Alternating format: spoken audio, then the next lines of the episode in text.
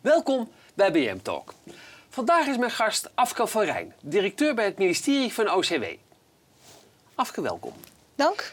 Ik zag op je LinkedIn dat je tien jaar technische informatica hebt gestudeerd aan de TU in Delft. Nou, tien jaar. Ja, ik, uh, ik heb uh, inderdaad technische informatica gestudeerd aan de TU Delft, Ja. toen het nog TU heette. En eh, Hoe kom je daarna, nog daarna nog gepromoveerd, vandaar de tien jaar. Ah, Ja. Maar hoe kom je dan helemaal samen in politiek Den Haag terecht? Ja, ik, heb, eh, nou ja, ik ben dus gepromoveerd. En eh, ik heb toen nog een paar jaar bij een vakvereniging gewerkt. Bestaat al lang niet meer, heette SIAT. Stond voor computertoepassing in de ingenieurspraktijk. En ik zat helemaal in de kunstmatige intelligentiehoek. Natuurlijke taalverwerking, hartstikke mooi onderwerp. Maar eh, op een gegeven moment werd mijn wereld zo klein. Want je kent de honderd mensen in Nederland die ermee bezig zijn, ken je allemaal. Ja. Dus toen dacht ik, tijd om er eens uit te stappen. En zo ben ik verzeild geraakt in Den Haag. Ja, maar, ja dat, maar dan is het nog van hoe kom je dan in Den Haag terecht? Want dan kun je Ja. overal uitstappen, maar Ja, nou ja, het leuke van Den Haag. eh, ik heb heel, op heel veel verschillende plekken gezeten in Den Haag. En het leuke van Den Haag is dat je, ehm, eh, je als, als, als medewerker, als, maar ook als directeur, er zijn zoveel mooie onderwerpen. En je hebt zoveel gelegenheid om die onderwerpen op te pakken waarvan je denkt, hé, hey, daar kan ik een verschil maken of daar kan ik wat moois op doen. En, en zo ben ik eh, in Den Haag gebleven. in Den Haag gebleven, Ja. precies. En heb je En nog nooit iets, verveeld. En heb je nog iets aan je kunstmatige intelligentie? eh, nou ja, nou, kunstmatige intelligentie, nog steeds zegt iedereen, het komt eraan. Ja? En het is al heel wat jaartjes geleden dat ik het heb eh, gestudeerd en in ben gepromoveerd. Ik denk dat die informatica-achtergrond voor wat je ook doet in het leven een hele, goede achtergrond is. Ja. Je leert analyseren. Je, dus ik kom, mijn ICT-achtergrond komt Is er altijd van Altijd pas. van pas, ja. En ook zeker in deze hoek. ja. Je zit al in- sinds eh, 1993 in, eh, in Den Haag, zag Ja. ik, eh, bij diverse ministeries. Ja, klopt. Ehm, wat spreekt je zo aan in de publieke sector? Nou ja, wat ik eigenlijk net al zei. Hè? Je, je, je, veel mooie onderwerpen. Eh, Echt onderwerpen waarvan je denkt, daar kan ik het verschil maken. Daar kan ik zoeken naar een win-win. Ik heb me bezig gehouden met eh, een thema als eh, nou ja, liberalisering van de postmarkt. Daar zou misschien niet iedereen enthousiast over zijn. Maar wel kijken van hoe kan je dat nou zodanig vormgeven dat je denkt dat het werkt. Of een onderwerp als kernenergie, waar je nu de belangstelling Ja. weer voor ziet groeien. Boren onder de Waddenzee. Ehm, maar, maar elektromagnetische velden van antennes. Het zijn allemaal van die onderwerpen waar de mensen ook echt mee te maken hebben. Ja. En waarvan je echt moet kijken van hoe kan je, als je op dat terrein iets wil, hoe kan je daar dan iets van maken waar iedereen eh, iets in ziet. Ja. Misschien niet altijd iets moois in ziet, maar wel iets, iets bouwen waarvan, eh, nou, een win-win. ja. Nu ruim drie jaar eh, OCW. Ja. Welke portefeuilles beheer? Ja, ik zien? ben directeur media en creatieve industrie, Ja. zoals het dan heet. En nou, de naam zegt al veel. Het mooie, de rode draad van de directie is verhalen. En media zegt genoeg, hè? dus dan hebben we het over de, de omroep, zowel de publieke als de commerciële omroepen. Dan hebben we het over journalistiek, creatieve industrie, film, architectuur, de- design. Ook allemaal hele mooie onderwerpen. Maar ook archieven. Bedoel, Als het iets een mooie bron voor verhalen is, zijn het archieven. Ja. En het letteren en bibliotheken. Ook weer een hele mooie... Valt, valt ook allemaal valt onder ook er allemaal onder. Ja, ja. Ehm, dus ja, dan is het best lastig. Hoe verdeel jij je tijd? Hoe ziet jouw gemiddelde werkdag eruit? Ja, ik moet eerlijk bekennen dat ik wel heel veel zit te praten. Ja? Dus vergaderingen, Ja, in, een in een gemiddelde werkdag, erg veel van dat soort dingen. Wat ik heel bewust ook heel regelmatig probeer te doen, is eh, op werkbezoek. Dus zodra ik denk van hé, dat is een partij met wie ik nog niet heb kennis gemaakt, dan ga ik het liefst daarheen. En dan ook echt even voelen en proeven waar mensen mee bezig zijn. Eh, daar moet je ook de tijd voor uittrekken. Ja. Want even invliegen en uitvliegen in een uurtje, dan krijg je nog niet het gevoel voor wat, er- wat er leeft en wat er speelt. En een beetje afhankelijk van het onderwerp ook. We zijn nu bijvoorbeeld aan het kijken rond lokale journalistiek. Hoe kan je dat versterken? En daar hebben we een aantal sessies met eh, zowel de lokale omroepen als de regionale omroepen als de NOS en wij. Om te kijken van hoe kan je daar nou echt een impuls aan geven. Weet je, dus ook samen bouwen. Ja. Zorgen dat je daar ook tijd eh, voor maakt. Dat is eh, wat ik op een gemiddelde werkdag doe. ja. En is je benoeming eigenlijk ook politiek bepaald? Nee, of, nee, nee, nee. Nee, ambtenaren Dus- zijn niet politiek bepaald. Nee. En ook niet tijdgebonden? Dus je kan tot dat- eeuwigheid... Ja, dat voor, nou, kunnen- voor een eh, directeursplek, dus de plek waar Ja? ik zit, is de, eh, staat de regel 357. Dat is een hele bekende regel in de ambtelijke wereld. Minimaal drie jaar. Ehm, vijf jaar is het tijd om na te denken. En na zeven jaar is het eigenlijk verstandiger dat je een andere plek doet. Maar op directeursniveau zit er geen eindtijd aan. Dat geldt wel voor directeuren-generaal en secretarissen-generaal, dus DG's en SG's. Ja. Die hebben een maximum van zeven jaar. Dus die moeten na zeven jaar weg. Maar voor alle andere mensen geldt het niet.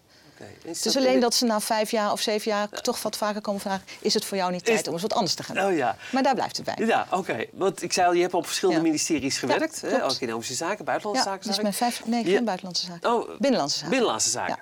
Ehm, en als je dan OCW vergelijkt met die ministerie, wat, waar verschilt het dan van? Wat, wat, Nou, elk ministerie is echt totaal anders. Ik bedoel, de, de- je kan nog zeggen de processenstroom is zo'n beetje hetzelfde. Ja. Maar volgens mij geldt het ook geldt het voor elke organisatie. De informele regels zijn overal anders. De cultuur is overal anders. En dit is mijn vijfde ministerie waar ik werk. Ja. En je merkt wel, hoe vaker je op een ander ministerie werkt... hoe makkelijker je de informele regels ook leert kennen. Er zit niet zo heel veel... In de zin van, je, je hebt al zoveel verschillende culturen meegemaakt. Het is makkelijker om eh En te wat, zijn, blenden wat zijn de informele regels van de OCW? Zo'n beetje? Nou, is, eh, OCW is een redelijke informele cultuur. Eh, en kijk bijvoorbeeld naar een, een ministerie als eh, Veiligheid en Justitie, of JNV zoals het dan tegenwoordig Ja. heet, is een veel formelere cultuur. Het is ook niet gek als je in die veiligheidshoek en die justitiële hoek, daar zit ook veel meer hiërarchie. Dus dat zijn, eh, Ja, ja. nou, dat is anders. ja. Maar overal valt goed in te werken. Dus heb jij dus veel invloed op het mediabeleid? Eh, ja, je hebt natuurlijk altijd veel invloed. De, de- de politiek bepaalt, hè? Ja. Dus de minister is de baas. Die zegt, ik wil eh, richting A, richting B, richting C. Ja. Maar als ambtenaar heb je in het hoe heb je heel veel, Ja. heel veel sturingsmogelijkheden. En in het wat reik je wel dingen aan. Maar is het vervolgens wel de, de bewindspersoon die kiest. Ja. Of, of die, die zegt, dit wil ik en, en dat niet. Ja, precies. Nou ja, Ja. Vroeger ging de Mare, ik weet niet of dat de, dat de hoogste ambtenaren op het ministerie van WVC, Ja. Ja, toen ja. nog, echt eigenlijk, eigenlijk het beleid bepaalden. De Harry. Kramer, eh, ministers komen, ministers gaan, Harry Kramer laat ik. bestaan. Dat Precies. verhaal ken je wellicht. Dat is, is dat een anders nu dan toen, denk jij? Nee, ik, ik kan het niet vergelijken Nee? met toen. Hè? Nee. Maar toen had je inderdaad wel mensen die heel veel langer dan die zeven jaar op de plek zaten. precies. Dus dat, eh, en op, kennis is natuurlijk altijd macht. Ja. Ehm, maar ik, ik, eh, uit- uiteindelijk, ik, ik, ik denk, maar nogmaals, Ja? ik zat er niet in die Nee. tijd. Ambtenaren blijven en ministers die zitten er hm, nou, vier, vier Ja. en een half jaar. Dus het zal ook voor een deel zijn geweest eh, het bepalen, denk ik. Hè? Maar nogmaals, Ja. ik zit dan in te Voor de vullen. continuïteit is Nou ja, eh, eh, lukt het niet met deze minister, probeer het bij de volgende. volgende. Ja, En dat kan. ja, ja. Maar ik weet dus niet zeker, want volgens mij zijn ook in die tijd waren politici wel degelijk de baas. Ja, ja, oké. Ik kan me nauwelijks voorstellen Nee. dat dat toen heel anders ging. nee. Wordt er veel bij je gelobbyd? Er komen heel veel mensen praten, ja, Ja. ja. uiteraard. Ja. Ja. Zowel uit de publieke als de commerciële alle, alle hoek? hoeken. Alle- Ja, ja.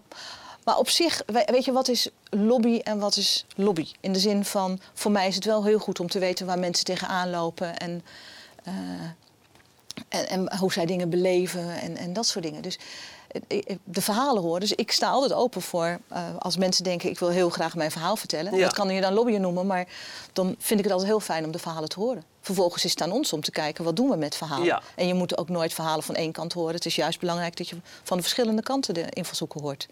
En dan gebeurt het ook met de, zeg maar, de, de grote Amerikaanse partijen waar iedereen zo tegen opkijkt. Nou ja, Komen die ook wel eens die bij je komen langs? ook wel eens langs. Ja? Niet zo heel vaak, maar die komen wel eens langs. Ja, Dus Google, Ja. Facebook, eh, Netflix, dat, daar heb je ook...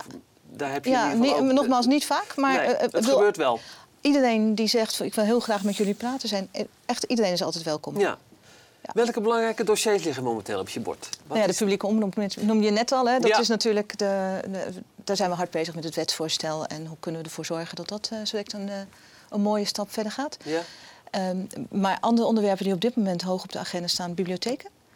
Eh, er is net een wet, een, eh, de evaluatie van de wet is daar naar de Kamer gestuurd en een advies van de Raad voor Cultuur. En eigenlijk wil je, een bibliotheek is zo'n belangrijk iets voor iedereen. Ja. Laag opgeleid, Ja. hoog opgeleid, jong, oud. Iedereen komt in de bibliotheek, hebben meer rollen. Maar hoe kan je nou zorgen dat je positie niet eh, nou ja, stevig blijft? Want je ziet dat gemeentes bezuinigen erop, want het zit, ze hebben geld hard nodig voor het Ja. sociale domein. En dat is eigenlijk wel heel erg jammer. Dus, nou, Dus dus, da- dat is echt een onderwerp eh, wat ja. ons na aan het hart gaat. Ja. En waarvan we ook denken, hoe kunnen we dat nu een stap verder brengen? En in het verlengde daarvan hebben we ook een, een, paar, een maand geleden, twee maanden geleden, het leesoffensief aangekondigd. Want we maken ons best zorgen om, om lezen. Leesplezier. Leesplezier, zeker bij kinderen. Ja. Want als je in je jeugd het leuk vindt om te lezen, is de kans dat je blijft lezen heel groot. En eh, hoe ouder je wordt, hoe laaggeletterder je wordt hè, als je niet uitkijkt. Dus daarom is start bij de basis, Ja, start bij de kinderen. Dus, maar hoe, hoe, een thema als leesplezier, hoe doe je dat nou? Ja. Nou, en dat moet je met alle partijen samen. Dus Ja. met onderwijs, met leesbevorderingsorganisaties. nou, met, met auteurs ook. Hè, want mooie boeken helpen natuurlijk enorm voor het leesplezier. Dus dat, dat soort thema's. Eh, en wat we eh, ook aan het doen zijn, is we hebben een samenwerkingsagenda met, met de media. Ja. In het kader van het belang van Nederlandse verhalen. Ja, En die is vorig jaar naar de Kamer gestuurd. En het is wel, we hadden laatst weer een sessie met alle partijen. En het is wel heel mooi om te zien dat, eh, dat de onderwerpen die zijn, zijn afgesproken ook echt verder gaan. Hm. Dat partijen zelf ook met samenwerking aan de gang zijn. ja. En ik hoop echt dat dat gewoon echt nog een hele mooie vlucht krijgt. Ja, Eh, even nog terug naar de omroep. Ja. Hè, Daar, daar, dat is natuurlijk Ja, belangrijk precies, voor ons, voor waar, waar we hier, waar we hier voor zitten, ook voor een deel. Ja. Hoe, hoe kijk je aan naar, naar, naar het tijdpad? En wanneer is daar enige, enige duidelijkheid over te verwachten? Wat daar, Ja, hoe, hoe nou, dat dan heb je het over het wetsvoorstel, het wetsvoorstel in het kader van de visiebrief. Ja, Want we hebben wel drie of vier wetsvoorstellen momenteel in de, in de, eh, ergens liggen. ja, Eh, de planning is, het wetsvoorstel ligt nu bij de Raad van State. En nou, we hopen dat zij in maart met hun advies komen.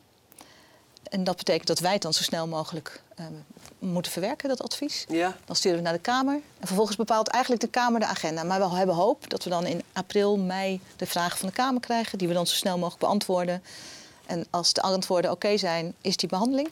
Dus onze hoop is dat dat nog dit half jaar kan, dus voor de zomer. ja. Voor, En dan naar de Eerste Kamer. Dus, en dan hopen we dat het, eh, het wetsvoorstel dus voor eind van dit jaar is afgerond. ja. Ja.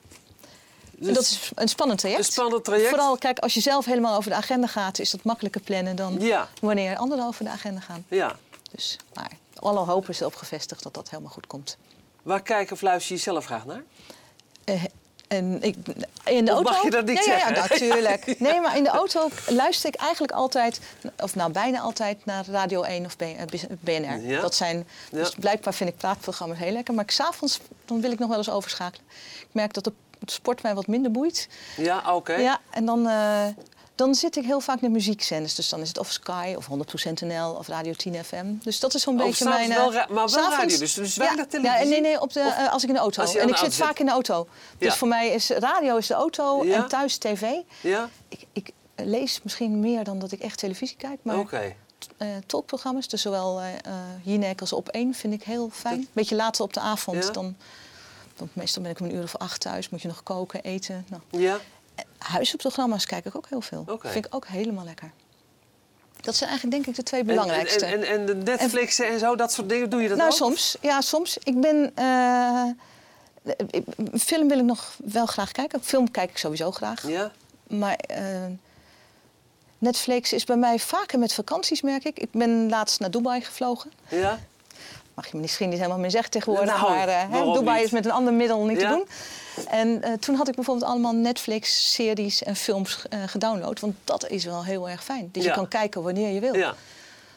En in een kerstvakantie wil ik het ook nog wel eens doen. Maar ik merk dat ik vooral Netflix kijk als ik wat langer de tijd heb. ja.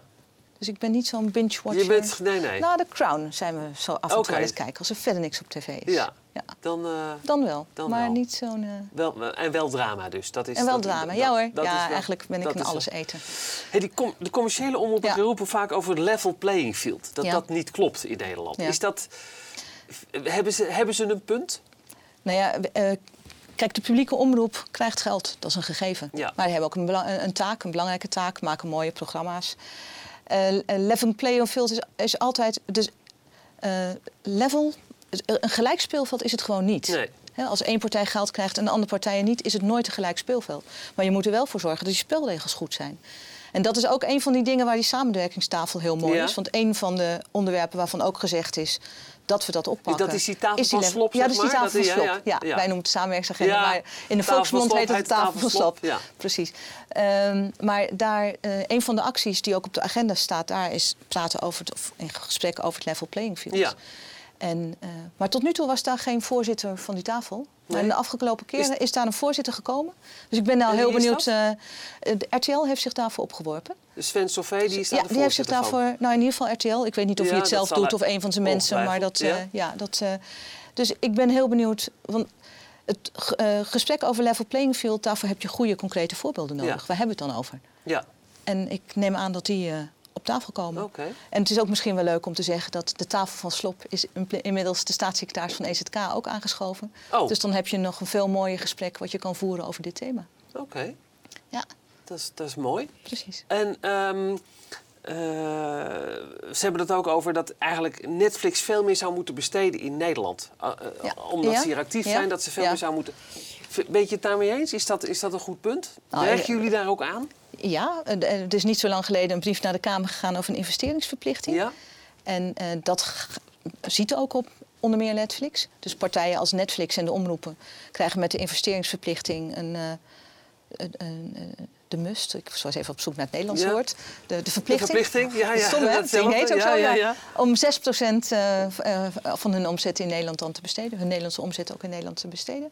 Nou, dat zal voor de omroepen in het algemeen geen probleem zijn. Want als je kijkt wat zij voor Nederlandse producties maken... komen ze natuurlijk makkelijk aan die 6%. Voor Netflix eh, zal het misschien wat meer een uitdaging zijn. Ja. Dus, eh, maar dat, eh, die verplichting moet nog wel in wetgeving worden omgezet. Ja. Dus, en daar werken we ook. Ik zei al, er zijn verschillende wetsvoorstellen. Dat is een van de is- wetsvoorstellen waar we nu ook aan, aan het werk zijn. ja. En die brief is net gestuurd naar de Kamer. Dus het wetsvoorstel wordt nu uitgewerkt. En die proberen we dat zo snel mogelijk Wellicht dit jaar ook nog. Nou ja, dat- wordt wel heel krap. Want een wetsvoorstel, normaal reken je daar nou anderhalf jaar voor. Dit kabinet zit er geen anderhalf jaar Nee. Dus dat zou je dan niet redden. Maar bl- jij blijft Nee, wel. Ja, ik blijf wel, nog, hè? tuurlijk. Dat- dat ik blijf wel. Nee hoor, dat is geen probleem. Maar Nee. je, je probeert, de, de- het zou heel mooi zijn als deze ministers dit wetsvoorstel stel wel af kunnen ronden. Ja. Maar dit jaar gaat niet lukken, maar mo- mo- mogelijk volgend jaar. Want als een Kamermeerderheid dit ook oké vindt... dan kunnen ook in een demissionaire tijd dit soort voorstellen ja. doorgaan. Dus dat, eh, Ja. daar rekenen we wel op. Wat is jouw belangrijkste ambitie op korte en lange termijn? Mijn, nou ja, dat, dat lezen vind Ja, ik dus dat- in ieder geval, daar had ik het al die- over. ja? Ja? ik denk toch die. eh, de wetsvoorstellen door de, de- Dat door- is- zorgen dat die kamer, door de Kamers behandeld worden, dat is een hele belangrijke. Maar ik hoop zelf dat die samenwerkingstafel ook echt, echt goed gaat lopen en leidt tot steeds meer samenwerking. Want, eh, want je vraagt ambitie, Ja? misschien een stukje droom of Nou hele, ja, heel wanneer is, streven of wanneer is wens. dit jaar voor jou geslaagd? Kan ik zo Dit, kan ik nou ja, dit, jaar, dit jaar Dit zal heel veel gericht zijn op, Op die, die- wetsvoorstellen. Want dit is het laatste jaar waarin het kabinet ook echt nog aanwezig is. Dus die moeten echt. Ja. En voor de langere termijn hoop ik dat die samenwerkingstafel ook echt leidt tot vruchtbare samenwerking tussen commerciële en, eh, en publieke partijen. Want ook de kranten zitten daar aan tafel hè, en ook de kabelaars zitten daar aan tafel. Dus dat is ook Ja, echt wel een heel mooi gremium waarmee je hoopt dat dat Nederlandse verhaal in de media dat dat Ja. Nou, nog meer plek krijgt. Ja, want de, de, even nog daarover. Ja? De, de publieke omroep die schermt dan vaak van... ja, we willen wel, maar we, hè, bijvoorbeeld als het over NL Ja. Ziet gaat... Ja. en, en el- naar elkaar verwijzen en elkaars product gebruiken. Maar we mogen dat wettelijk niet. Nee. Hebben ze een punt of zeg je... we moeten eigenlijk niet zeuren, je moet gewoon aan, aan de slag? Nou, eh, als het gaat om NL Ziet, mag er heel veel. Ja. Kijk, wat, wat eh, eh, de publieke omroep niet mag, is programma's exclu- exclusief maken en achter een betaalmuur zetten. Ja. Dat mogen ze Nee. niet. Maar dat is NL Ziet niet. Nee. Dat is geen eh, plek waar je. Dat is Videoland wel. Hè? Daar zitten Precies. exclusieve producties. Ja. Dus als het gaat over NL Ziet, zit daar niet veel wat niet mag. Zit volgens mij niks wat niet mag. Nee. En als er wel barrières zijn waar partijen tegenaan lopen, en dat kan eh, zowel publiek als commercieel zijn, dan horen we dat graag. Ja. Want dan kunnen we vervolgens ook kijken van en vinden wij dat een terechte barrière of kunnen we er wat aan doen? En een barrière, eh, heel veel van de barrières komt ook uit Europese regelgeving. Dus daar moeten we het altijd wel tegenaan, Ja. uh, tegenaan houden. Wat, hoe denken we dat Europa er tegenaan Ja. kijkt? Maar wat je eigenlijk ook zegt een beetje... is dat NL, er zijn eigenlijk weinig belemmeringen om NL Ziet niet een veel groter succes te maken... Dan het, dan nou ja, het, dat dan hoor het je mij is. inderdaad zeggen. Ja, Ja, precies. Ja, Oké. klopt. Dank dat je mijn gast was. En graag veel gedaan. succes. Dankjewel. Oké. Tot zover BM Talk. Mijn volgende gast is voor u een vraag. En voor mij nog veel meer. Tot de volgende keer.